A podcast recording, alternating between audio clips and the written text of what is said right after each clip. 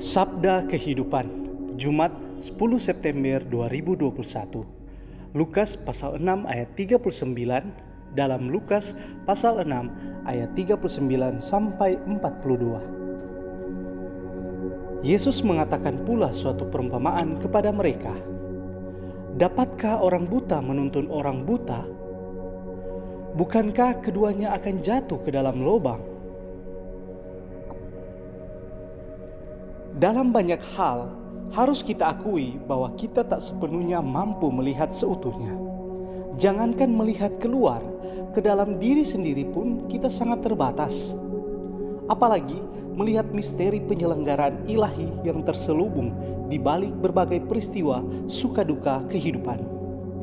Betapa kita membutuhkan hadirnya Yesus untuk membantu kita melihat dan menyelami realitas iman yang penuh misteri betapa kita merindukan terang Roh Kudus untuk melihat jauh ke dalam agar tidak terjebak dengan menghakimi orang lain hanya dengan melihat permukaan yang dangkal.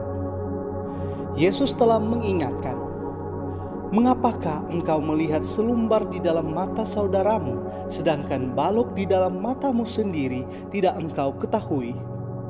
Lukas pasal 6 ayat 41.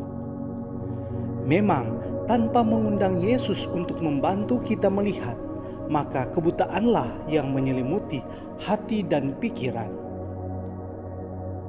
Ya Yesus, temani aku di hidupku, biarlah matamu jadi mataku, hatimu jadi hatiku, agar mataku dapat melihat kebenaran dan hatiku penuh pengertian, pengampunan, dan belas kasih.